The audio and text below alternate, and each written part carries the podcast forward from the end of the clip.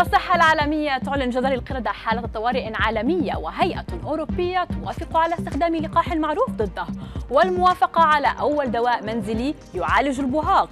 أبرز أخبار الساعات الأربع والعشرين الماضية في دقيقتين على العربية بودكاست.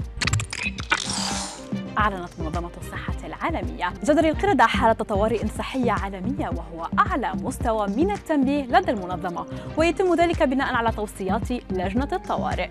وقال المدير العام للمنظمة أن الخطر في العالم يعتبر معتدل نسبيا باستثناء أوروبا حيث يعتبر مرتفعا. ويمكن وقف انتشاره باستخدام الوسائل المتاحة في الوقت الراهن. يذكر أن مرض جدري القردة أصاب حتى الآن حوالي 17 ألف شخص في 74 بلداً فيما يعتبر جدري القرود الذي اكتشف لدى البشر عام 1970 أقل خطورة وعدوى من الجدري الذي تم القضاء عليه عام 1980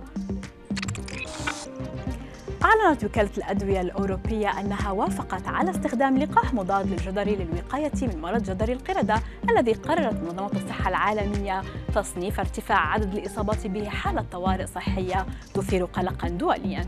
يشار إلى أن لقاح إمفانكس الذي ابتكرته شركة بافاريان نورديك الدنماركية جاز استخدامه في الاتحاد الأوروبي منذ العام 2013 للوقاية من الجدري. وتمت الموافقة على استخدامه لمكافحة جدري القردة بسبب التشابه بين هذا الفيروس وفيروس الجدري.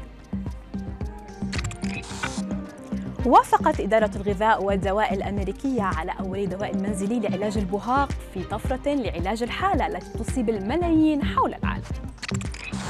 دواء أوبزيلورا الذي طورته شركة ويلمينغتون الأمريكية. هو كريم طبي يمكن وضعه مباشرة على بقع تغير اللون على جلد الأشخاص الذين تتراوح أعمارهم بين 12 عاما وما فوق وفق صحيفة ديلي ميل البريطانية واستعاد العديد من المرضى في التجارب السريرية. تصبغهم بعد حوالي ستة أشهر من الاستخدام مرتين يوميا للكريم الذي أظهر نتائج أقوى بعد عام كامل من العلاج.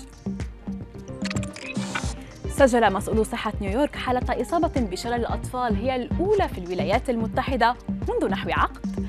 وقال مسؤولون من الولاية أنه يبدو أن الشخص مصاب بسلالة فيروس مشتقة من اللقاح ربما من شخص حصل على اللقاح الحي المتاح في عدة دول أخرى ليس من بينها الولايات المتحدة.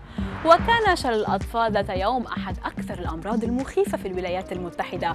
وكان تفشيه سنويا يسبب آلاف الحالات من الشلل معظمها بين الأطفال.